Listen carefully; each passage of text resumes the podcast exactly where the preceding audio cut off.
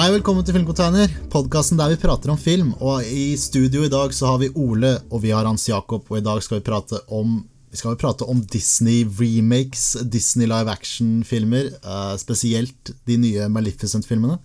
Og den uh, første som kom ut i 2014, var det første av de uh, live action til Disney. da Som har blitt en stor greie. Det blir jo du som må, må bære mye av samtalen her, for jeg har ikke så veldig mye forhold til disse live action-remakene. Nei, men du dro opp på kino og så Mistress of Evil, gjorde du ikke det? Det gjorde jeg, midt på dagen, og det, det var litt av en uh, visning. Vi kan jo komme inn på det litt senere. Men, uh, men, vi mangler jo to medlemmer, da. Vi gjør det. De er opptatt med musikkonteiner, selvfølgelig. Uh, de har snudd helt på femøringen, og nå blir det bare Stephen King-container med Ole og Hans Jakob framover. Jeg vet ikke. Vi får håpe de er tilbake snart.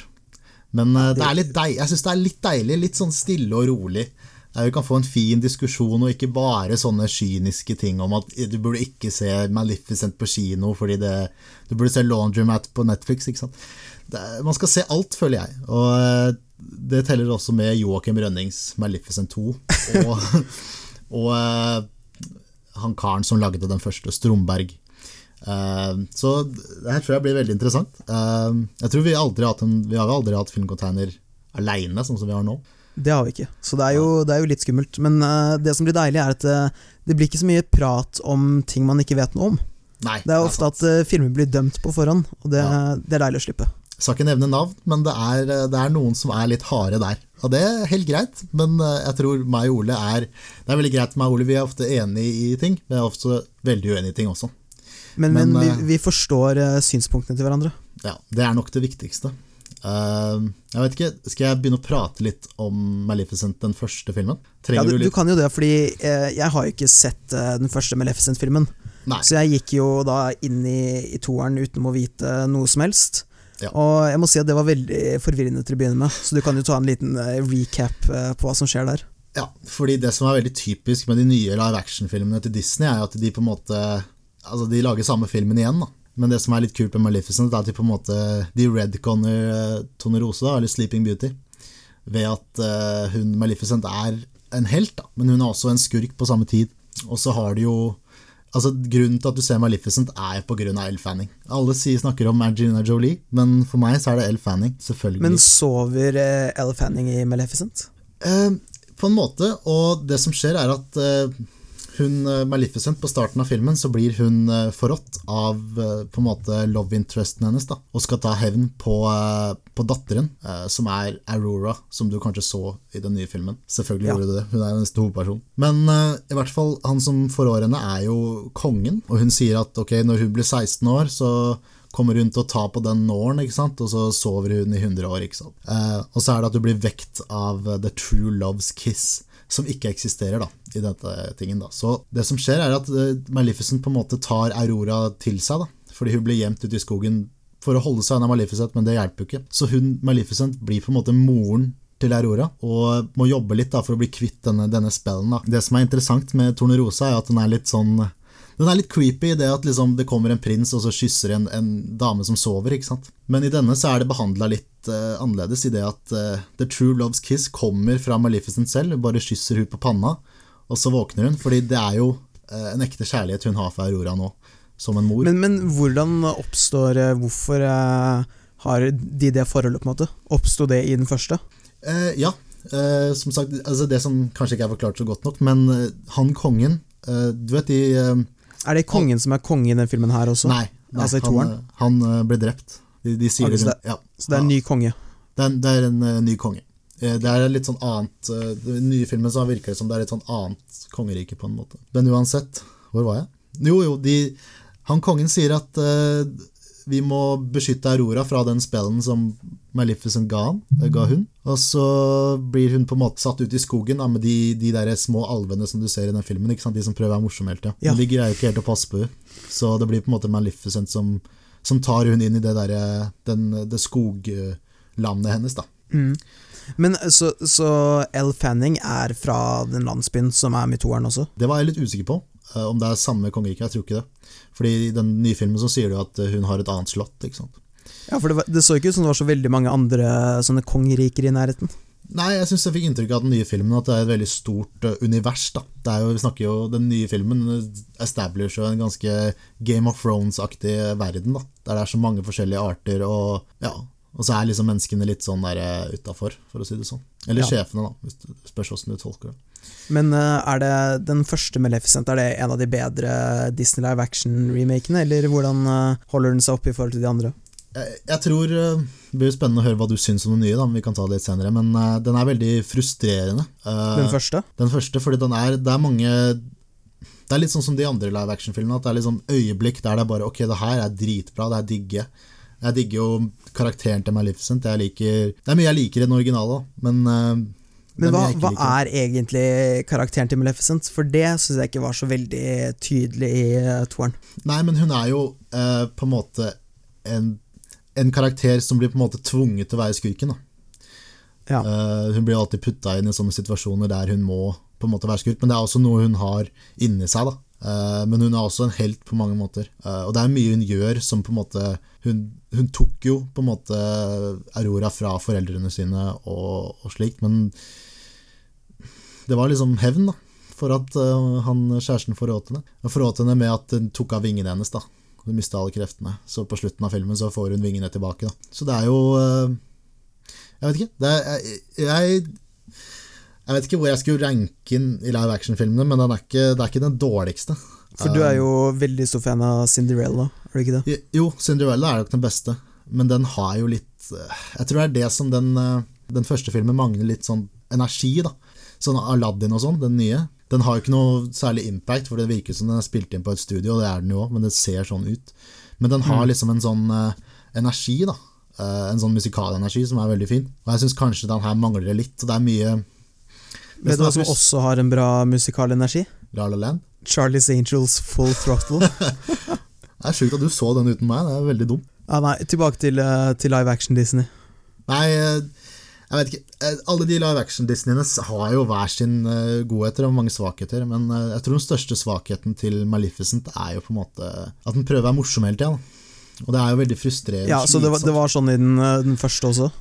Ja, det er spesielt med de alvene og sånn. Eller de feene. Det er sånn ah, Bare kutt, ja. på en måte. Men uh, det er mye bra, altså. Det eneste jeg har, har sett, er vel Jungle Book ja. og Aladdin og Lion King. Ja, fordi du er nett, på en måte det Jungle Book gjør, da, den, på en måte, den redconner litt den originale historien, og prøver å gjøre noe eget. da. Jeg, det er derfor jeg liker Jungle Book veldig bra, den ser jo helt fantastisk ut. Mens de andre bare Det er bare steg for steg-film. Og så kanskje ja. snu på litt, som de har klaga på i ettertid. Jeg vet ikke. Ja. Jeg har ikke så veldig mye forhold egentlig til de, de klassiske Disney-filmene. For uh, uh, i min barndom så var det jo mer uh, Dreamworks og Pixar som på en måte var, var greia. Ja, men nå har jo også de live action-filmene kommet litt seinere enn det, da. Så det er ikke noe man har vokst opp med, føler jeg. Nei, nei, absolutt ikke. Så det er på en måte derfor sånn som med, med Lion King, da. Altså, den, det var jo en av de jeg fikk med meg. Ja. Men uh, jeg, jeg, føler meg på en måte ikke forrådt når jeg så den. Nei. Sånn som uh, mange kanskje gjorde, og det var derfor den fikk så dårlig kritikk. Men uh, litt det samme med Aladdin også. Det, det var ikke et stort nederlag for min del at det ikke var en fantastisk film. Nei, men du er enig at det var liksom øyeblikket Aladdin? da?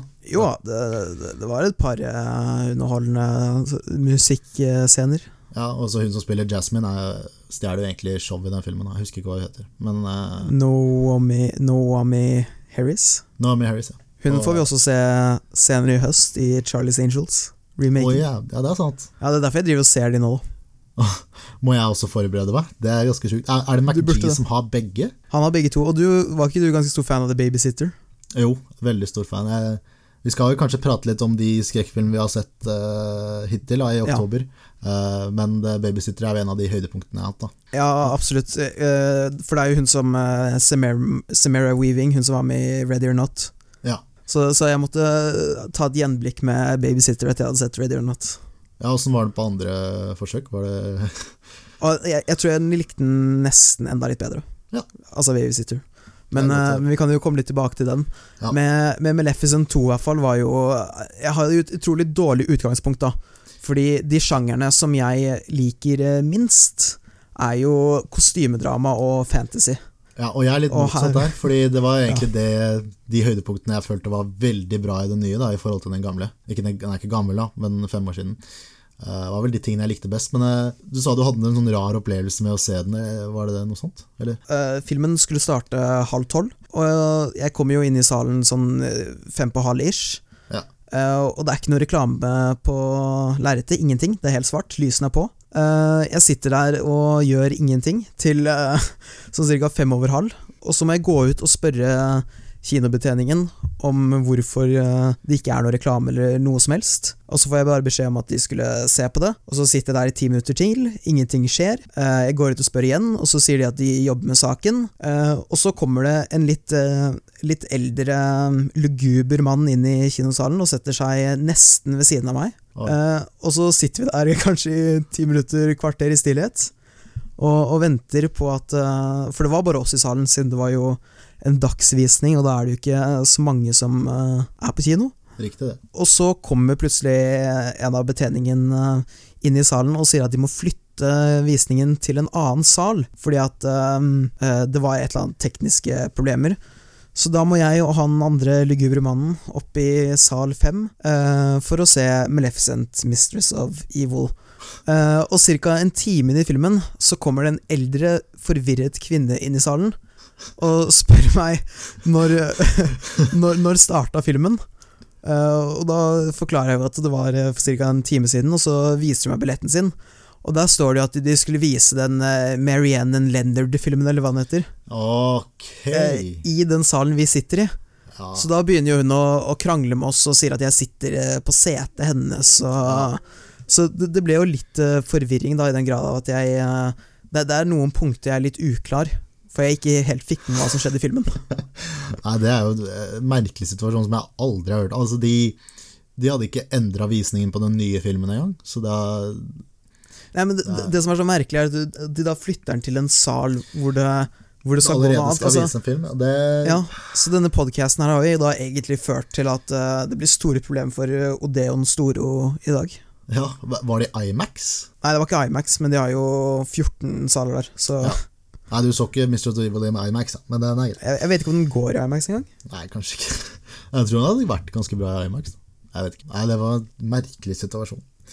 Nei, jeg, hadde en, jeg hadde en litt roligere opplevelse. Jeg eh, stelte meg i kø og tenkte nå skal jeg faen meg kjøpe meg sånn frozen Fanta. For jeg liker å eksperimentere litt når jeg er på kino. De, de der frozen-brusene smaker jo syre. Det er ikke ja. vanlig slush, det. Nei, nei, nei. Det er veldig, veldig søte greier. Men det, ja. grunnen til at jeg gjorde det, var pga. den koppen. Sånn del, svær delekopp. Det står Fanta.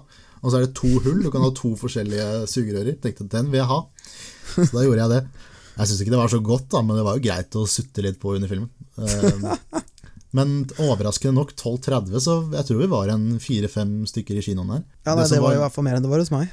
Ja, Det som var litt irriterende, var at jeg liksom Det er ikke noe pga. Kilden kino, da, men jeg, jeg, skulle bare ha en Frozen Fanta, og så var det én person foran meg som brukte et kvarter på å betale. Det var jo litt irriterende, men det var ikke noe det var ikke noens skyld. Jeg skulle bare ha det og så gå opp. Ja, men, men du, du, rakk filmen, da? Ja, ja, med god margin. Jeg, jeg liker også Hvis filmen starter 12.30, da, så er jeg på kinoen kanskje kvart over tolv. Så jeg kan sitte og høre litt på musikk i bilen, og så bare traske bort til kinoen. Uh, Jeg liker det samme, men jeg har, jo, jeg har jo hørt en historie med deg, da Når dere skulle se Logan Lucky i Drammen. At dere Og det, dette hørtes ut som det var din feil også, det var i hvert fall sånn Amund fremstilte det. At dere skulle på Subway, og dere sto og bestilte mat på Subway da det sto på billetten at filmen skulle starte. Ja, jeg, jeg vil ikke Det er typisk han å skylde på meg. Jeg tror det var, tror det var flere mennesker. Jeg, øh, men ja, jeg kan jo legge meg flat hvis det var tilfellet, men øh, jeg er jo også en person som veit Jeg veit når filmen starter. Den starter jo 20 minutter etter tid, så Jo, jo, men man, man vil jo man må jo liksom komme ja. seg litt til rette i setet Absolutt. Og før jeg, filmen starter. Jeg, en, jeg, liker å være tidlig ute, men jeg tror det var tilfellet at vi hadde sikkert droppa middagen da, på folkehøyskolen, og så skulle vi bare få i oss noe raskt. Men det er jo Jeg, jeg vil kanskje ta 90% av skylda, og det, det syns jeg er veldig grådig. Det var, det var sjenerøst av deg å ta såpass store prosentandel av skylda. Men nei, hva, er dine, hva, er dine, tanker om Mistress of Evil? Oi, oi. Ja, nei um, jeg, jeg, kan ikke si at jeg, altså For det første, jeg hadde ikke sett eh, et bilde av denne filmen. Jeg hadde ikke sett trailer. Jeg hadde sett plakaten, uh, og jeg, jeg trodde jo at dette kom til å bli en mye mørkere film enn det det, det, det kom til å bli. Så jeg, jeg, var jo ganske overrasket da når, når, filmen starter, og det er noen sånne små troll som driver og valser rundt i en krone, og Elle Fanning som faller uti et vann, og ja. Nei, det er mye, mye rart nervøs, som skjer. Jeg var litt nervøs på den starten der. Og så, så kommer det jo bare en, en, fyr på en hest og frir til henne, og det er vel kanskje her jeg hadde At jeg burde ha sett eneren, da. Ja, det, det eneste du trenger å vite da, er at han prins Philip er jo uh, på en måte love interesten i første filmen, da, der de har en joke at det er du som skal vekke Tornerose med kysset ditt, men det funker jo selvfølgelig ikke. Uh, men de er på en måte en love interest, da, og de skal vel gifte seg i den filmen. Der, eller noe sånt. Men uh, du hadde en litt sånn uh, tøff start, da. Men jeg skjønner jo den når du veit hva det handler om. Da... men jeg vet ikke, det er vel kanskje ikke så veldig mye å si om den, den åpningssekvensen. Det er, ikke, det er ikke en veldig spennende eller, eller, god start på en film, vil jeg si. Nei. Men, men så kommer vi på en måte litt inn i, inn i plottet, da hvor, hvor Maleficent eh, skal møte eh, foreldrene til, til, prinsen, som mm. da spilles av Michelle Pfeiffer. Eh, og, og, da tenker jeg Dette er jo bare meet the fuckers. ja, på en måte så er det det. Eh, det er en veldig klein middag, eh, som er veldig bra utført. Men eh, ja, det kan minne om Meet the Fuckers, men Meet the Fuckers der putter de jo forhuden oppi maten, og det er liksom Det er ikke helt Mistress ja. of Evil, da. Men, det har jo til og med katten til De Niro der, er jo med her også. ja, Han har sånn derre Hva er det han bor i? En sånn derre bobil, og så er det Dør ja, det, katta. Det er, det er faren til, til Ben Stiller, da. Ja, det var det, ja. Nei, det er lenge siden jeg har sett Meet the Fuckers og Gaylord Fucker, eller hva faen han heter. er det det han heter? jo, han heter Gaylord, ja. ja. Det er bra navn på en uh, hovedkarakter. Hadde du noe Kom det seg litt etter den tøffe starten, eller? Det, de gjorde det. Altså, jeg, jeg, vil si de første tre kvarterene så fikk jeg veldig lite ut av det, og jeg, jeg, jeg kjedet meg. Ganske, jeg vurderte faktisk å bare lukke øya og, og ta en liten blund, faktisk. Uh, men ja. så Ja, og så kom jo hun dama, hun eldre damen inn og vekket meg litt, da, fra, fra den søvne søvnkomaen som eh, filmen hadde satt meg inn i. For du er ganske uh, kjent for å sovne under filmer, er du ikke det? Uh, jo, jeg Hva er grunnen til det, egentlig? er det fordi at du Matrix. er trøtt? Eller er det fordi du ser filmer seint eller tidlig, eller er det noe annet? Det, det er nok en blanding av at jeg generelt sett er ganske trøtt, og, For jeg er nysgjerrig. Åssen er prosessen din når det kommer til liksom å Fordi du bestiller kanskje billetter litt tidlig og liksom planlegger hvilken film du skal se for helga og sånn, så Det gjør jeg. Og så kanskje men, men, bommer du litt, og så er du litt trøtt isteden, eh, og er ikke så klar. det er ofte det som skjer, ja, men uh, som regel så er det bare fordi at jeg syns filmen er kjedelig. Altså, så da, da, blir man jo ofte litt trøtt. Men, men jeg har lært å, å, finne noe positivt i det meste. Uh, så derfor så prøver jeg å holde meg våken, og jeg klarte det her òg. Og det jeg på en måte tror at den her gjør bra som en oppfølger, er jo at uh, den prøver jo å gi litt, uh, litt dybde til uh, denne Maleficent-karakteren. da Ja, absolutt. I å på en måte vise litt hvor hun, hun kommer, fra. fra. Ja. Du, ja, det gjorde du ikke den første, fordi det er eh, Den er, den er mer lettbeint, den første. da Det er liksom bare Den er jo 1 time og 20 minutter, den første. Så det er jo, den her er jo en to timer lang episk eh, kostymedrama, så det er jo litt forskjell. Ja, og så, så blir jo dette etter hvert, når på en måte Michelles Pfeiffers eh, motiver eh, blir klare som om de ikke var det fra begynnelsen av. men, men når de på en måte blir klare for karakterene, så, så, blir det jo veldig uh, Altså disse Jeg vet ikke, hva, hva, er de for noe? Er de alver? Eller uh, Altså alle disse, disse, dyra som bor i skogen, da, ja. mot menneskene, på en måte. Og det, det, er, det er, jo et, et plottelement som uh, man har sett mange ganger før i film. jeg tror det er bare en sånt veldig sånn diverse skog med mange forskjellige arter, som lever litt for seg sjæl, men det virker som det er mange forskjellige arter rundt Jeg visste jo ikke at det var en egen Maleficent art. Men Nei. Men den skogen er jo litt bare det er masse forskjellige greier. Det som virker kult visuelt, på en måte. Uh, men det som på en måte er med det Jeg vet ikke hva man skal kalle det, plot device, eller hva, ja. Men det, det funker på en måte som en analog til, til, hva som helst. Så det jeg gjorde, var jo på en måte å prøve å gjøre dette litt mer uh, spennende for meg selv, da. Okay. Så, så, her så jeg for meg at, uh, at Michelle Pfeiffer var en sånn slags Hitler-figur, ikke sant? Uh, og, og, da ble det jo litt mer dramatisk og litt mer uh, spennende og interessant med en gang. Ja, det, fordi den, den, det ga det litt mer essens, da, eller? Eller noe å, ja, altså, Noe å hekte det tak i. For litt av grunnen til at jeg ikke er så glad i disse fantasyfilmene, er at det, det, det, er så virkelighetsfjernt, og jeg, jeg, klarer ikke å Det er derfor jeg ikke liker Game of Thrones heller. Jeg, jeg klarer ikke å sette meg inn i disse fancy universene. Så det hjalp veldig, og spesielt når vi også får en scene hvor Michelle Pfeiffer prøver å gasse alle disse ja, dyrene fra, fra skogen. Da, da funka jo den analogen enda bedre. Ja, jeg, du kan jo tolke denne, selv om dette er en uh, Jeg vet ikke om det er, er det, rating for denne filmen er, sånn PG et eller annet. Det er jo litt spennende å gjøre med de de barnefilmene. fordi sånn som jeg tenkte mot slutten her, så blei filmen litt sånn grov. Kanskje det er mitt barnslige humor som kom inn da, men det skjer noe på slutten som uh, fikk meg til å skratte litt. da. Og Det var ikke pga. noe filmen prøvde på, men det var jo sånn jeg putta hodet mitt inn i det. Så det er men, men skal vi spoile, eller? Uh... Ja, jeg vet ikke. Skal vi bare gi de tankene Hva er det, er det Ville du anbefalt folk å gå og se den før vi går inn i spoilers, eller? Uh, ja, det, for det, det, det er jo hovedsakelig en barnefilm.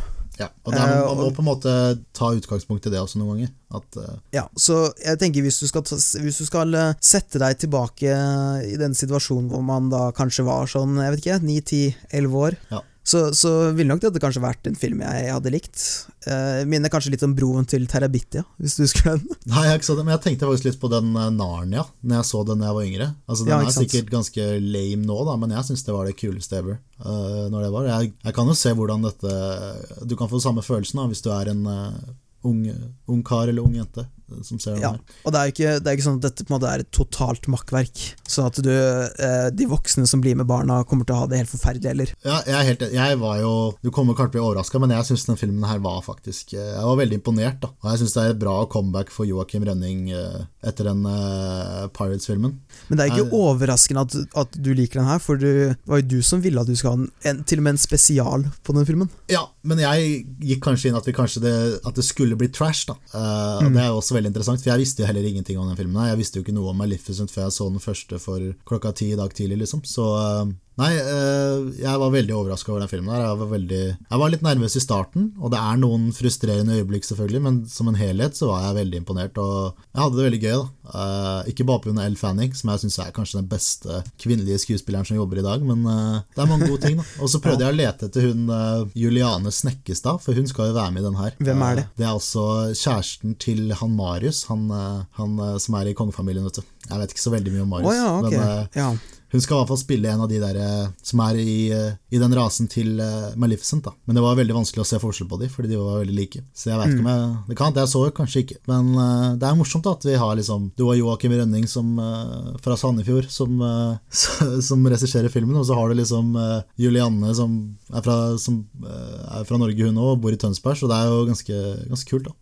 Jon Carew skal visst også være med. Er det sant? Det, det leser jeg i Filmpolitiets anmeldelse. Ja. Jeg så han ikke selv. Nei, det var men, vanskelig å se. Eh, jeg, jeg, har sett han eh, på Colosseum en gang, og da så det ut som han var høy som faen. Han er høy. Så, han er, du veit at han er en av de ikke, beste Ikke høy i den grad.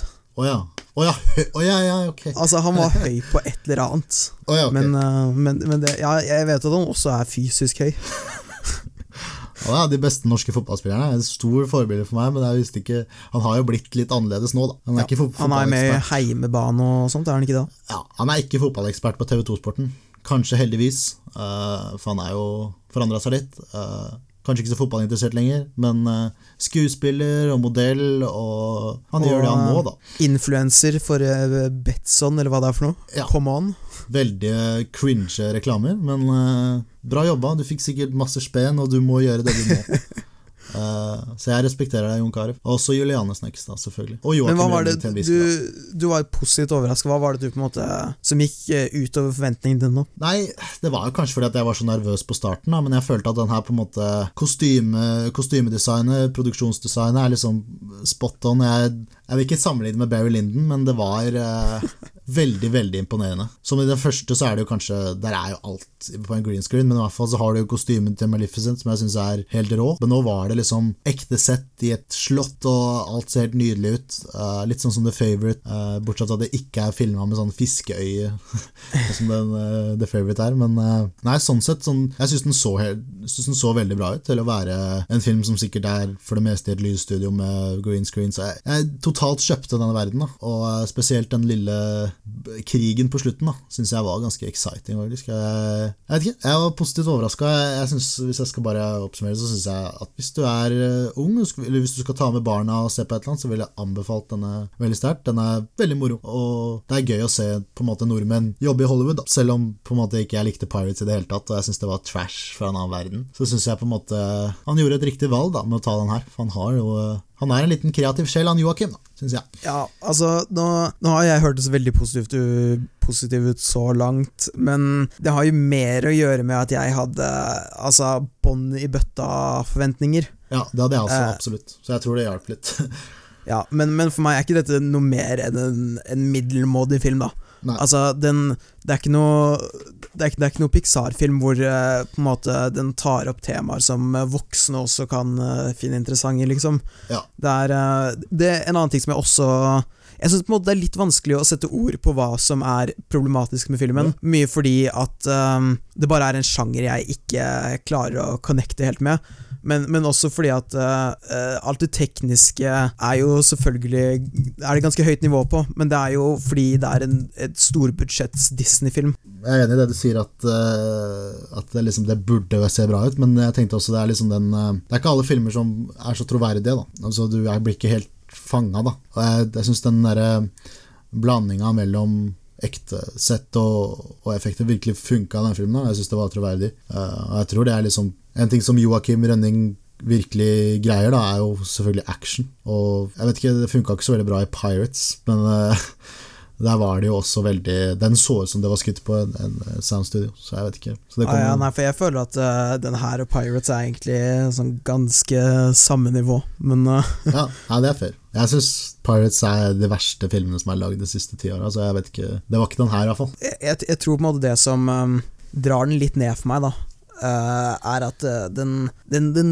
stikker på en måte ikke så mye. Det, det, er liksom ikke noe som Den er veldig myk og sensitiv og nesten litt enkel, og det, det er jo greit nok når du lager en barnefilm, men jeg, jeg syns det er mer um, det, det, gir mer mening da hvis det på en måte er sånn i sånn, den Kaptein Sabeltann-filmen som går på kino nå. Da hadde ikke Jeg syns det hadde vært noe å klage på. Nei. Men når det på en måte er en såpass stor sånn, produksjon, da så burde den kanskje ha noe som appellerer til litt flere enn bare, bare barna, da. Ja, Nei, det, det, er helt fair. Jeg, jeg som personlig syns at den, den, appellerte til meg, iallfall. Men uh, jeg er jo veldig glad i kostymedramaer, og jeg syns det var kult. Altså, Tim Burton gjør det her i den Alice in Wonderland til en uh, varierende suksess. Den der, at det blir en stor battle på slutten. Det funker jo ikke helt i den filmen der. Da. Men jeg syns det funka litt i den her, og det er jo mye moro scener. da Litt sånn uh, klassisk der liksom mange ting skjer samtidig, da, som de klipper fram og tilbake. Uh, som f.eks. Aurora prøver å bryte ut av uh, det rommet. Og så de blir gassa, de der uh, feene inn på det, i den kirken. Han ene blir til en sånn uh, midsommerbjørn på slutten der. ja. det var en ting jeg synes, Det var da den, liksom, den uh, babyen i meg kom fram, og jeg fikk litt sånn pervers humor da når hun dronninga liksom, blir til en geit. Og han kongen sier liksom bare ja, bare la henne være en geit. Uh, så jeg tror det var pga. veldig egoistiske grunner. da Du tenker at han er sånn uh, som bonde? Sånn, en sånn skikkelig, skikkelig bonde, ja. Uh, ja ok Så ja. Det var også et øyeblikk på slutten der der hun Maleficent dukker opp foran de som akkurat ble gift, og så sier de jeg kommer igjen på dåpen, og så ser Elle Fanning og han prinsen på hverandre på en sånn veldig sånn grov måte. Da. Så det er sånne små øyeblikk så det er barnet i meg kommer fram. Da. Den grove ja, ja. Den ja, grisen. Men nei, jeg, jeg, vet ikke om det er så mye mer å si om filmen. Uh, den er frustrerende, ja. men samtidig overraskende ok. Nei, jeg hadde det gøy. Det føltes ikke Den føles kanskje litt lang ut.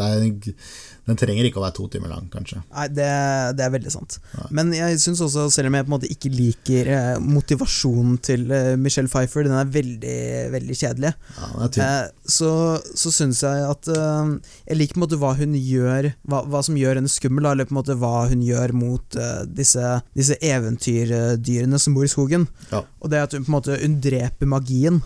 Mm -hmm. og, og, det syns jeg på en måte er en god skurk for en, en film i denne sjangeren. da ja, også hennes på en måte Det er på en måte det som er trusselen, at uh, det magiske og Jeg vet ikke, skal man kalle det vidunderlige ja. uh, blir drept. Ja. Nei, så det er jo det der komplottet hennes, da, den planen hennes, er liksom Den treffer veldig Det er jo liksom egentlig Maleficent sin feil, da, siden hun på en måte forbannet den der eh, spindelen, ikke sant. Så når, når man kommer borti den, så sover man, ikke sant. Så mm. hun brukte det på en måte mot, henne, mot henne da, som jeg syns var interessant. Og så syns jeg også det var interessant det med at uh, Maleficent var en etterkommer etter sånne fønikser som reiser fra asken.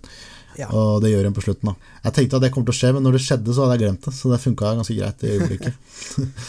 Ja, jeg var faktisk positivt overrasket eh, engasjert da, eh, i den scenen som kommer i alle disse Disney-filmene. Eh, hvor det på en måte det, det, blir trist. Da er vi på, på bunnen av historien, og da, da, dør jo selvfølgelig Maleficent. Ja. Og eh, jeg, jeg syns Elle Fanning er, er, god nok da, til at, hun selger meg på at dette på er et trist øyeblikk, selv om jeg på en måte ikke nødvendigvis føler det. Så, så er Elle Fanning god nok til å selge det. Jeg, jeg, tror jeg bare ler altså, Jeg syns hun var Jeg syns Al Fanning er de beste, beste skuespillerne i de filmene her. Jeg syns Angelina Jolie er Hun er ok, men det er jo ingenting som på en måte slår meg i bakken. Det er ikke så veldig mye interessant å gjøre. Nei. Kostymet hennes er fantastisk, og hun har veldig sånne tydelige sånne skinnbein. Og det er, vet ikke, ja, Kostymen ser bra ut, og hun gjør en grei rolle. Men Elle Fanning stjeler jo selvfølgelig showet. Og det er ikke bare pga. Neon Demon, som er en av mine favorittfilmer, der hun på en måte har satt seg dypt inn i mitt uh, filmhjerte. Da. Men hva annet er det hun Altså, Jeg, jeg satt og tenkte på det under filmen, at ja, hun er jo fra Neon Demon, og jeg, jeg liker den veldig godt, jeg også. Men hvilke andre steder er det vi har, vi har sett henne? Åh, Det er så meget, bror. Det er så meget. Men jeg kommer kom det noen eksempler? Jeg vet jo at jeg har sett henne en del, jeg òg, men jeg bare Jeg kommer ikke på noe konkret. Liksom. Super 8. Jo, jo, det er sant. Super 8 er uh, også en av mine favoritter. Nei, men altså, hun uh, The Big Guild, jeg vet ikke om du så den, men uh, Den så jeg. Og Live by Night, den Nei, Live by Night, den Ben Affleck-filmen. Den, den hadde jeg glemt at hun var med. 20th Century Woman. Ser du, Følger du hele karrieren hennes? Uh, ja, eller jeg veit ikke. Altså Hun er jo sånn uh, et sånn wonder kid, da. Men uh, jeg vet ikke, jeg syns det er interessant, og jeg er veldig spent på hva hun gjør videre. da. Men jeg, jeg ser heller at hun lager Super Nine eller Neon Demon 2 enn ja. en Maleficent 3. da. Jeg vet ikke hvem du liker best, Dakota Fanning eller El Fanning, men eh, jeg tror Dakota Fanning har gjort litt mer, da. Men det ser ut som El Fanning Jo, jeg, jeg, jeg heller med i El Fanning-båten enn uh, Dakota Fanning. Du er ikke i uh, War of the Worlds-båten? Uh, altså, det, det, det, er en film jeg har hørt store diskusjoner om. Uh, men jeg, har ikke sett den siden jeg var en god del yngre, så den må jeg nesten se igjen før jeg uttaler meg så mye om. Dakota er jo med i faktisk den Once Upon a Time, så ja, Hun er ikke en av de Manson-jentene? Yes. Så hun jobber, da. Og de søstrene der er jo veldig flinke. Og, men Elle Fanning Jeg tror det er bare pga. Demon, men jeg, jeg, elsker hun så sykt. Uh, ja. Nei, Jeg vet ikke om det er så mye mer å si om Mistress of Evil. Jeg var veldig overraske, positivt overraska. Det er langt fra en perfekt film, men en helt ok film. Altså, jeg angrer ikke på at jeg brukte gratisbilletten min på å dra på kino og se den. Si sånn. det, det, var helt hadde greit. Hadde du gratisbillett? Ja, gratisbillett. For det hadde jeg også. Så da, ja, er, Man må være litt taktisk når det kommer til de gratisbillettene. At uh, ting du er litt sånn Jeg føler Jeg vil jo se alt uansett, så jeg hadde sikkert betalt for å se den her, og det hadde jeg sikkert vært ok ved å gjøre. Uh, mer enn jeg så Gemini Man, som jeg kunne ønske jeg brukte glassbilletten min på. Uh, fordi det er jo et makkverk av en film. Nei, nå, nå må jeg innrømme, nå som, som, Martin ikke er her, at uh, For han hører ikke på podkasten uansett, så da, da, kan jeg jo si det. Jeg hører bare på musikkonteiner, gutta der. Det, ja, det, det, er skuffende. Og se på Men, Jim Jarmers-filmer er det eneste, eneste de gjør. men, men, Gemini Man var ikke noe, noe, stor favoritt hos meg heller. Det var en interessant, eh, til, til tider underholdende film. Men uh, også litt uintensjonelt underholdende, da. Ja, for det meste. Jeg lo litt under Gemini Man. Jeg lo litt under en Mistress of Evil òg, faktisk. Det var noen scener der jeg bare oh god. Du vet den scenen Jeg tror det er Prince Philip som de, han hopper ned, og så flyr han med en sånn jævla ting. Ja, da, da skjønte jeg ikke helt hva som, som skjedde. Nei. Fordi var det? det var jo en sånn annen mann som sånn hang på beinet hans, eller noe sånt. Ja, det var han Men hva, hva, er det han flyr på? Det var jo det var derfor jeg lo, for jeg skjønte ikke helt uh, hvordan det funker. da Det var jo bare en sånn uh, Jeg vet da faen hva det var, jeg. En, en, sånn bar en ballong, en ballong, en hul ballong. Jeg vet da faen. Det, det, var også et par scener hvor det, hvor det ser ut som gravitasjonen i dette universet fungerer helt annerledes enn i vårt. For uh, det, det, er jo scener hvor, hvor sånn Angelina Jolie bare svever utenom at hun liksom bruker vingene sine. Ja, gjør ikke fugler det òg? De må jo bruke dem altså, for å holde seg oppe, da. Det er jo mange fugler som bare drar seg på vingespenna, ikke Jo, men da, da, da flyr de jo nedover, på en måte. Nei, nei, nei, du, nå må ikke du Nå er du på jordet her. Det er jo mange fugler som kan fly uten å De bare de, de holder seg ikke oppe i lufta på ett sted uten å bruke vingene. Ok, Unnskyld meg, men hvordan er et fly funker, da? Den vifter jo ikke med vingene. Den, den, den har jo propell og motor. Men faen mange, Har du ikke sett en fugl som står helt rolig i lufta og, og bruker vingene? Nei. Nei, men da har ikke du, vært, da har ikke du sett nok som, fugler. Som, som blir værende på samme punkt i lufta uten å bruke vingene på noen som helst måte. Og Du mener det står stille? Ja. Å ja, men da skjønner jeg. Ok. For, for, det skjedde jo i den filmen her flere ganger. Nei, For det er jo litt sånn som en glider fungerer. Du, du... Ja, det, det, er jeg med på. Ja, Der er vi enige. Så på jorda er jeg ikke. Ja, nei, jeg, Hvis jeg skal på en måte oppsummere tankene mine rundt denne filmen, da, så jeg, jeg ble jo positivt overrasket, jeg også. Men det, jeg, jeg, lurer på om jeg kanskje hadde enda lavere forventninger enn det du hadde igjen. Jeg tror ikke det, altså. Jeg satte meg i kinosalen og jeg tenkte å shit, hva er det jeg skal se på nå? Men, uh, Men da, da, skjønner ikke jeg hvorfor du var, hadde så lyst til å ha den ekstra episoden. Nei, jeg liker jo å spille inn episoder av Filmcontainer. Det er uh, Jeg vet ikke, Har du noe mer å si om uh, Mistress of Evil? Nei, altså, hvis du har kids, ta det med. Ja. Hvis du skal passe en nese eller, eh, eller, en mentalt forstyrret onkel, ta det med. ja. ja, det er jeg helt enig i. Uh, jeg vil også anbefale den hvis du bare Hvis du er litt kid på scenen, hvis du liker den første og liker Disney og alt det greiene der, og ikke bare er sånn kynisk Pixar-fyr, uh, så Nei da, det er jo et annet nivå på de Pixar-filmene, men jeg vet ikke om vi har snakka om, så mye om det på podkasten, men altså, litt av grunnen til at uh, jeg tror vi alle har vært så uh, lite interessert i å se den her, er jo fordi at uh, det, det, endte jo på en måte opp med å bare være akkurat Altså midt på tre-film, da. Og jeg forventa kanskje litt verre, fordi at jeg som sagt ikke liker denne sjangeren i det hele tatt. Altså, det er, for, for at jeg skal like en film i den sjangeren, så må det være et veldig høyt nivå på det. da Så det var kanskje derfor jeg, eh, jeg hadde enda mindre lyst til å se den. Men jeg, som jeg syns jeg synes all, alle filmer burde få en sjanse, uansett hvilken film det er. Og jeg syns det er litt gøy når filmer kommer ut på onsdag, da før det liksom har kommet veldig mye buzz rundt den, og alle anmeldelsene har kommet, og du får så mye på en måte influens av andre folk, og du, du får høre ting, og det på en måte ødelegger forventningene. Det er litt deilig å gå inn i en film der du ikke har noen forventninger og vet ingenting, og bare ser filmen på sitt egen to bein. Og Jeg syns, det er egentlig sånn film burde ses, da. Men uh, det er ikke så lett. Fordi det går ikke an å, se en, an å se en film nå uten å få se traileren på den neste filmen du skal se. Uh, det, var, det, var, veldig deilig å, å slippe alt det styret etter uh, Joker.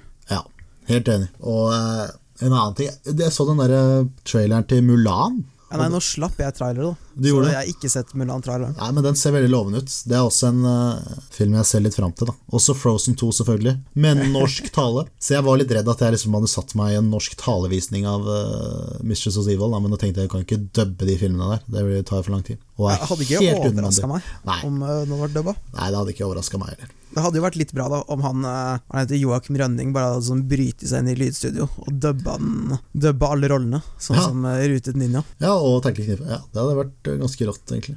Hva syns du om Rutete Ninja, egentlig? jeg syns det var veldig moro. Ja, jeg syns den er fantastisk moro. Se Men, den, du så den kanskje på dansk, du? Jeg så den på dansk, og så så jeg den igjen på dansk. Ja, nei, for Litt av grunnen til at jeg, jeg syns den var såpass flott, var jo fordi at uh, Eller mye av grunnen var jo uh, fordi Herman Flesvig klarer å han, Det er et veldig autentisk sånn skolemiljø, da. Nei, faen, jeg så den på norsk også, faktisk. Uh, men det eneste jeg synes er, det, Han gjør en bra jobb, men jeg syns de sangene er jo utrolig bra på dansk. Ja, for de, de sangene syns jeg var de ble, de ble dårlige. Ja, den der, på norsk. Den sangen eh, når de er på den festen, og så kommer den pesto-sangen. Fy fader, den er bra på dansk. Også. Når han, sangen er bare du forklarer hvordan du skal lage pesto. Det er uh, okay. helt, helt rått. Uh, Ternet Ninja, hvis du Hva er den heter på norsk? Rute til Ninja. Ok. Den må du absolutt leie eller kjøpe på Blu-ray For den er jo ute nå, og det er, det er en sterk anbefaling. Ja. På, både på norsk og dansk. Ja, spesielt på dansk. Men en, en, en, av mine store skuffelser med den var jo at uh, sangene er jo noen av høydepunktene i Terkelig knipe. Og på norsk, uh, i hvert fall, så ble de sangene et ganske lavmål. De, de hindret filmen fra å være ganske sterk, syns jeg. Ja, nei, du, du, burde faktisk høre de sangene på Jeg anbefaler å se Rute den Ninja på dansk. Fantastiske bra sanger. Uh, ja, men jeg, jeg, skjønner jo ikke noe av hva danskene sier. Du har det på tekst.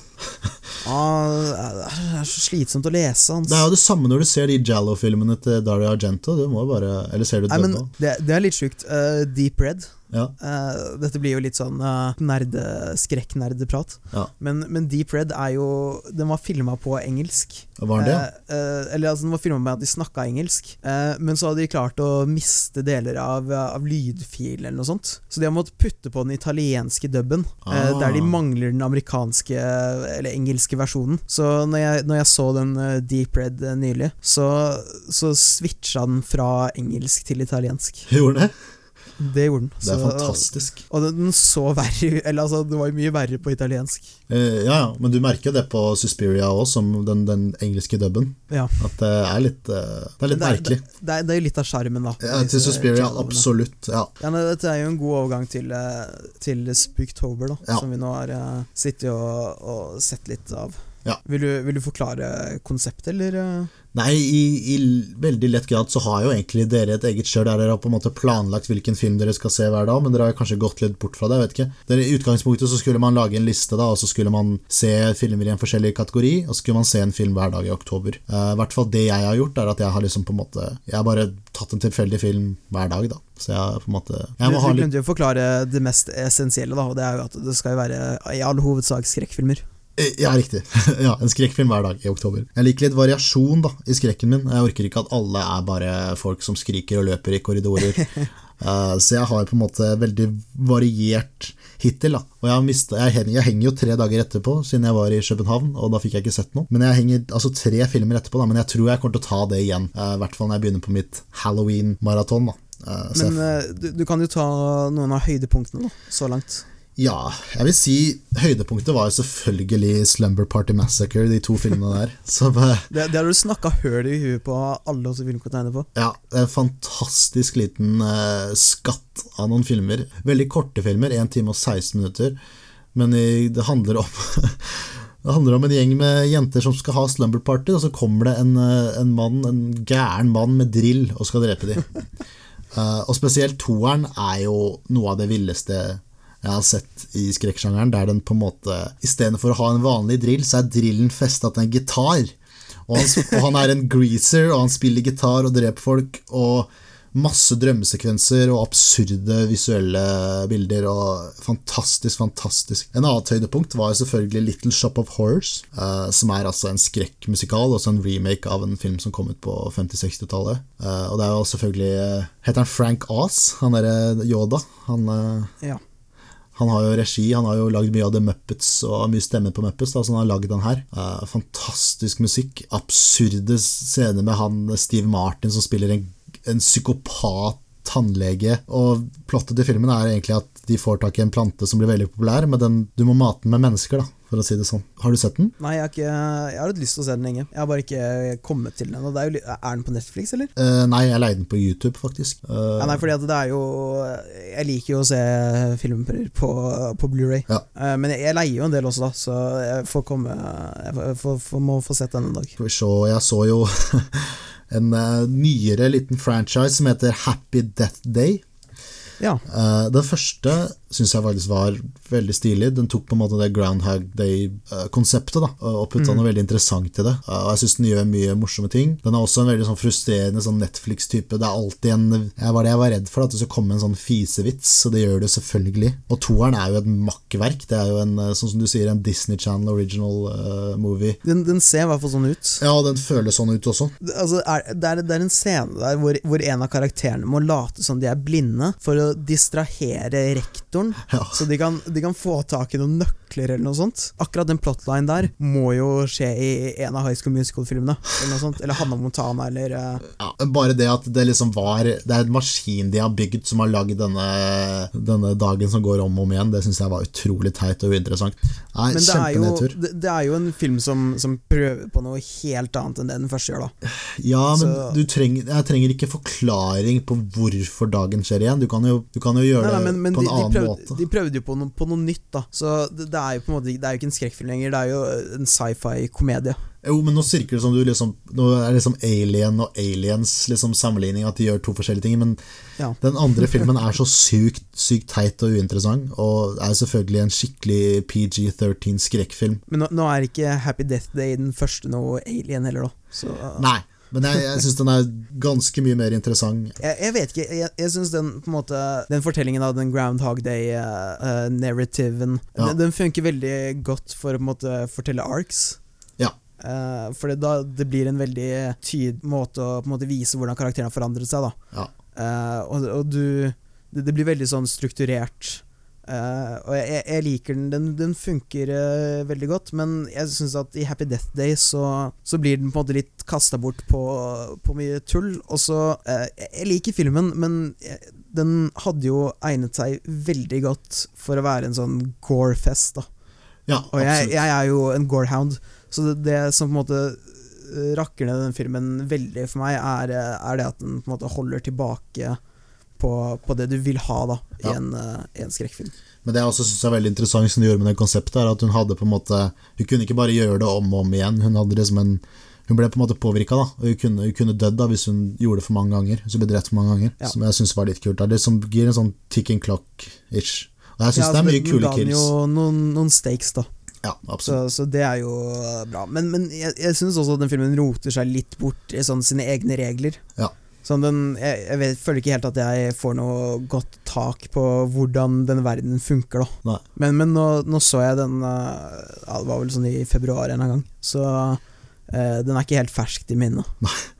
Altså for, for, mange ville det kanskje vært det, da men nå, nå, ser jo vi såpass mye film at uh, Ja, det er mye som går i glemmeboka.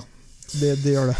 Wow. Men hvis det er noe det, For meg er det spesielt to filmer da som på en måte har, har vært noen uh, høydepunkter. Ja. Uh, og den ene er den originale The Fly fra 58. Oh. Uh, og den var Altså Jeg var veldig positivt overraska over hvor, hvor, bra den var. For den handler jo på en måte Altså Det er jo en mann som, som skaper sin egen død, da, kan du vel si. Ja. Og den altså, du skal, vil jo tro at på 50-tallet så var jo man mye mer skeptisk til, eh, til vitenskap enn det man er i dag. Så du skulle jo på en måte tro at det skal være en sånn frykthistorie om hvorfor man må være forsiktig med å eksperimentere for mye. Men det som på en måte er interessant med den, er jo at den hauser på en måte opp vitenskap som noe, noe positivt også. Eh, som det innovativt, som, som, kan føre til gode ting. Samtidig som det også fører til uh, at det, Nå husker ikke jeg hva han heter i For han har forskjellige navn. I Cronenberg-remaken så heter han jo Brundle, er det ikke det han heter? Jeg husker jeg lenge siden jeg har sett den uh, filmen. Uh, men her heter han noe, noe helt annet, da. Men uh, uansett, uh, en veldig god film som, som kan anbefales. Og så den andre,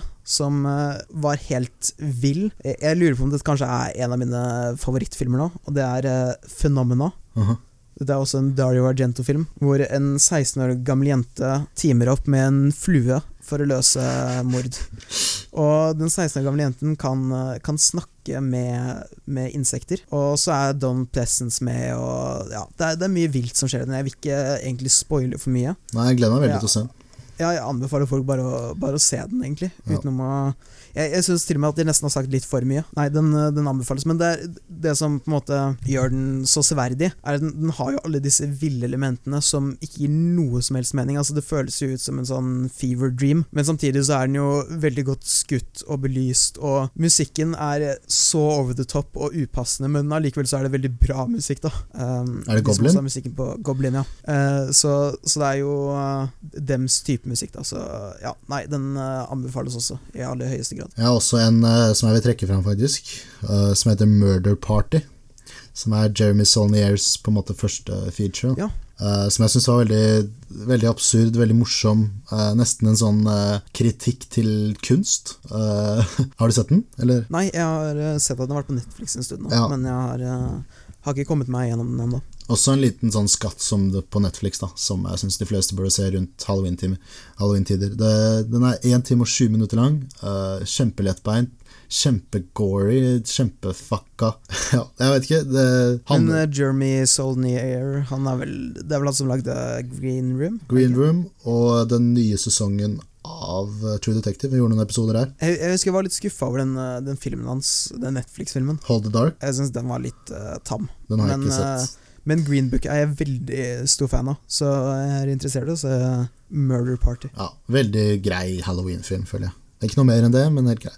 The Babysitter var, uh, var overraska over. MacG uh, på topp. Jeg syns det var Det var litt sånn uh, Home Alone-ish. Ikke, ikke, ikke, si noe, fordi det som er så fantastisk med den filmen, er at hvis du ikke har sett trailer eller ikke vet noe som helst om den, så går den i en veldig annen retning enn det Absolutt. man kanskje forventer. da Det er, det er, det som på en måte er litt dumt, nesten, med markedsføringen av den filmen. Ja.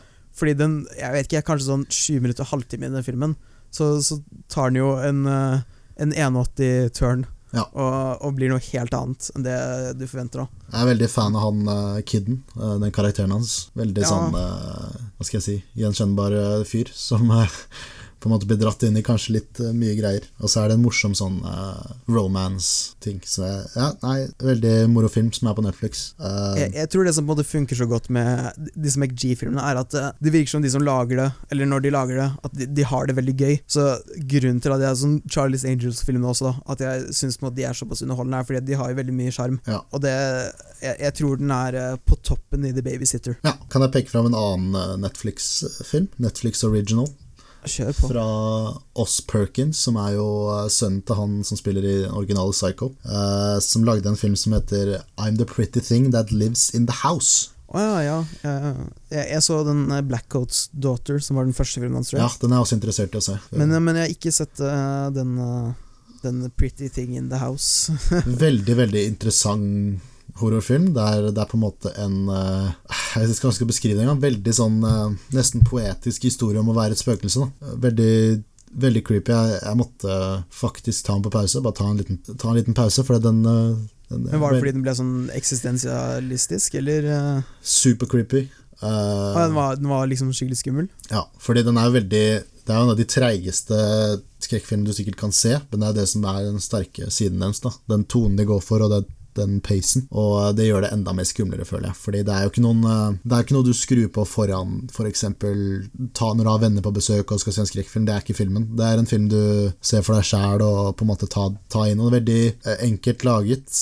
Jeg er veldig stor fan av Perkins nå. Jeg er veldig spent på den Blackouts Daughter. Ja, jeg, jeg, var litt, uh, litt skuffet over, uh, over den. Ja. Uh, for den var også en veldig sånn slow burn. Ja. Men jeg, jeg syns ikke at uh, karakterene var interessante nok da, til å på en måte rettferdiggjøre at den skulle være såpass treig. Ja. Men jeg, jeg, har ikke noe imot slow burns. Altså, ja. Når karakterene er uh, interessante, så, så, er det absolutt uh, verdt det. Så It Comes At Night var jo fantastisk. Ja, Det er kanskje en av de skumleste filmene jeg har sett. It Comes At Night. som på en måte fucka med altså, deg på et annet nivå, da, mer sånn eksistensielt nivå. Så jeg vet ikke er, men jeg tror du må forberede deg på I'm the Pretty Thing That Lives In The House er en veldig slow burn. Så det gjelder å forberede seg på det. Det er ikke noe, det er ikke noe dunkefilm. Det er en uh... Nei, det er, men det, det, er nesten greit å vite da når man går inn i sånne slow burns. At Absolutt. Du, du på en måte, for, for det krever at man liksom er, er klar for det. Ja. Du, du, setter deg på en måte ikke bare ned og tenker Og nå skal jeg kose meg med en uh, film på en fredagskveld, og så, og så, får du en film som bruker uh, en time på å komme i gang, liksom. Jo, men It Comes A Night gjorde det kjempedårlig på kino fordi folk trodde det var en tradisjonell skrekkfilm. Uh, men det er det jo ikke i det hele tatt. Det er en jeg vil kalle It Comes A Night en psykologisk thriller, egentlig. Jeg vet ikke du, kan ikke. du kan ikke gå inn i 'Midtsommer' heller og forvente en tradisjonell horrorfilm. Men de funker jo veldig Til og med 'Hereditary', selv om den har jump scares og alt du trenger. Ja, nei jeg, jeg er enig. Altså, du, du, kan jo trekke det Altså Nesten tilbake til sånn Alien og Exorcist, som ja. liksom er, de, er, er toppene da ja. i skrekksjangeren. Ja, The Shining og, og de gutta der. Ja, ja altså det, alt er jo omtrent slow burns når det kommer til det beste av skrekk. Ja. Men vi er enige om at Exorcist er den beste, beste horrorfilmen ever? Ja, jeg har jo sagt det flere ganger, at det er skrekkfilmen min. Ja. Kan jeg snakke om noen nedturer jeg har hatt hittil? Eller? Ja, kjør på. Uh, fordi jeg så jo uh, Piranha 2. Ja, det, det, er vel James Camerons første film? er ikke det? Ja, og James Cameron, jeg hørte et intervju at han fikk jo sparken fra den filmen etter ti dager. Ja, hvem var det som fullførte den da? Uh, han italieneren, produsenten. Men det er en veldig James Cameron-film. da Det er jo folk som dykker rundt og, så, og slikt. Men utrolig ræva. Det er, sy det er den største du, trash. Vet du hvorfor han fikk sparken? Jeg tror det er fordi han brukte for lang tid. Men han er jo James Cameron, så han bruker lang tid. på en måte altså, han, han, var for god, da, med andre ord. For god for Piranha 2. Og det, det er han faktisk. Piranha 2 handler om uh, noen som greier å gjøre piranhaer flyvende til flyvefisk. Så de flyr og inni folk. Uh, det er et veldig morsomt konsept, men det er ikke noe morsomt i det. Det er en sykt morsom scene i den filmen, faktisk, som kanskje trekker den opp. Uh, og det er en sånn karakter. Han er en sånn lifeguard, og han kjører rundt med helikopter. Og så ser han dattera si ned i en båt og bare skal redde henne, og så hopper han ut av helikopteret, og så styrter helikopteret i vannet bare for å svømme og hente, dattera. Jeg hadde også et øyeblikk der jeg, jeg litt, Det er en film jeg har hatt lyst til å se lenge, som jeg endelig så. da Men jeg visste ikke hva som var det riktige høytiden å se den i. da Og det er jo A Nightmare Before Christmas. Uh, som er en hybrid mellom en uh, Halloween-film og en og Det er jo også fordi det er en by som heter Halloween Town, og så er det en, et land som heter Christmas Town. Så jeg vet ikke. Ja. Litt av grunnen til at jeg aldri får sett den filmen, er fordi jeg vet ikke når jeg skal se den. Nei, det er akkurat det som er problemet. Så det, er, det funker sikkert for begge. Det er, også, det er en julefilm samt en uh, litt creepy halloween-film. Veldig morsom film. Uh, men det høres jo bra ut, det. Ja. Med noen artige sanger, og du trenger det av og til på halloween. Litt sånn som Little Shop of Horse, bare at Little Shop of Horse er uh, ganske mye bedre. Ja, det kan jeg, kan jeg for så vidt se for meg. Jeg så også en Dario Argento-film som het The Bird with the Crystal Plumage, som på en måte er uh, Argentos forsøk på å være Hitchcock, og det funker til tider. Ja. Men, men, hvordan er Fordi det, det som på en måte er uh, Argentos store svakhet er jo i hvert fall manus, da, i de, de filmene jeg har sett. Så, så hvordan er det i, i hva, hva, er den heter igjen, da? Uh, the Bird with the Crystal Plumage. Ja. Så det er jo uh, en sånn klassisk uh, Hitchcock-film der en uvitende karakter blir på en måte dratt inn i et sånt mordmysterie. Da blir liksom på en måte obsessed av dette mysteriet og vil løse det sjæl. Og det liksom påvirker han og, og kjæresten. jeg syns kanskje manus er det sterkeste i den filmen her. ah, okay. Også veldig langtrekkelig, litt sånn som I'm a pretty thing that lives in the house. Men uh, alt i alt en veldig spennende film. Uh, det er én ting som Dario Argento greier veldig greit. Det er jo på en måte det visuelle, selvfølgelig. Uh, mye farger. Denne filmen er jo egentlig for det meste i mørket, men han greier på en måte å, å gjøre det interessant. Da. Ja, nei, for jeg, eh, Som jeg nevnte tidligere, så så jeg jo Deep Red, og der vil jeg jo den er jo, høres jo litt lik ut, da, i det at du på en måte Det, er, det, er, det oppstår et mordmysterium hvor man på en måte må finne ut av uh, hvem som er morderen, og hva som har skjedd. Og det, det, tilhører jo på en måte veldig den Jallow-sjangeren, da, sånn ja. generelt sett. Uh, men jeg, jeg, vet ikke om manuset var den sterke siden der heller. Det som er litt kult med Deep Red, er jo at den, den blir så veldig mye forskjellig. Det er litt sånn spøkelsesfilm, men det er også litt sånn slasherfilm, og det er litt sånn krim. Og det, det, er det som er kult med den, da, selv om den er eh, over to timer lang og føles som den er nærmere tre timer. Mm -hmm. så er den fortsatt eh, spennende det, det, er på en måte Det er nok plott da til å eh, holde interessen oppe lenge nok. Fordi det, det er så mange forskjellige elementer. Ja. Uh, og det er jo på en måte det som også gjør fenomena veldig kul, da, er at der, der har du disse fluegreiene, men så har du også en morder på frifot, og Donald Plessen som har en ape. Uh, ja. det er også det samme Suspiria. Ikke sant? Du har dette mordmysteriumet, og så har du hekser, og så har du ballet, mm. ballettskole og jeg vet ikke, mye, mye forskjellig som han Argento driver med. Det er veldig interessant. Jeg gleder meg veldig til å se Deep Red og og videre. Vil du kalle den nye Suspiria en Jallo? Det er litt vanskelig altså, Nei, nei, nei. nei. nei jeg, jeg, jeg ville nok ikke gjort det. Fordi der, eh, der er det jo mest spenningsoppbygging da, i to timer. Og så blir det liksom en, en sånn reell skrekkfilm den siste halvtimen. Ja. Uh, men også en utrolig god film. Uh, som jeg, uh, jeg, jeg, vil si at det er en bedre film enn uh, Argentos versjon, ja. men jeg liker allikevel den originale Suspiria best. Den originale men, Suspiria men har bedre at, score og bedre cinematography og sånne ting. Ja, jeg, jeg, vet nesten ikke helt om jeg vil si det, men, men jeg, vil si at jeg liker det bedre som personlig. Ja. Men, men, jeg vet ikke om jeg vil liksom påstå at det er bedre. For uh, den nye Suspiria bærer på en måte såpass høy kvalitet gjennom hele linja. Og veldig annerledes og, på mange måter. Ja, og uh, på en måte mye av det som hjelper uh, mange av disse Argento-filmene, er jo den sjarmen ved at det er på en måte ikke alt som, som har gått helt som det skal, da virker det som. Det er, ja. det er mye ting som på en måte fremstår eh, litt amatørmessig, uh, hvis du på en måte er mannen i gata og bare vil se en skrekkfilm. Å ja, den originale Suspiria tror jeg er uh, lattermateriale for, hvis man er litt uvitende, altså. Ja, absolutt. Men uh, ja, det var jo egentlig Jeg vet ikke, Det blir spennende å se. Han, han James Wan skal jo lage en sånn Jallo nå. Han skal det, ja. ja. Så det er jo interessant at på en måte det kanskje kan få en sånn liten comeback. da Men jeg syns jo det kan bli interessant. Jeg er veldig glad i Jallo. Jeg syns folk burde gjøre det. Jeg er veldig spent på hva jeg skal se videre. Jeg tror det blir Deep Red i kveld. Og så skal jeg ha bestilt Halloween 2. Eh, den originale Halloween 2. Og så skal jeg prøve å se alle de For jeg er en franchise jeg ikke har fått sett, så er det Halloween. Jeg har bare ah, sett okay. den originale 100 ganger og den nye mange ganger. Der er det mye Jeg har klart å komme meg gjennom den uh, franchisen, ja. men uh, fra fire til uh, H2O Så da, der er det tungt, ja, for å si det sånn, å komme seg gjennom uh, jeg, jeg, vet ikke hvilken film det er, men det er en av filmene hvor uh, jeg husker Donald Pleasence blir fanget i et nett. Ja. og der ser det faktisk ut som han er i ferd med å dø på sett. For jeg tror det var den siste filmen. Ja, Halloween 6 var vel den siste filmen så, så, det er ikke mulig at Michael Myers faktisk drepte han. det er sant. Det blir spennende å se de nye også, de, de, den nye trilogien som kommer. Eller de ja. to neste. Men da må vi vente helt til neste år. Det er sant, men det tror jeg blir en heidundrende halloween, det også. Som jeg sa på den forrige episoden, jeg er veldig skuffa over de skrekkfilmene som kom på kino denne oktober. Det er liksom De døde tjern-remake og Zombieland. Den kommer ikke engang i oktober. Det er, er veldig tynt. De dødes kjerne-remaken kommer ikke før 1.11. Det er helt mongo, da. Det går ikke an. Det er vanvittig, men, men, jeg tror grunnen til at den kommer 1.11, er fordi det er da det er den store kinodagen.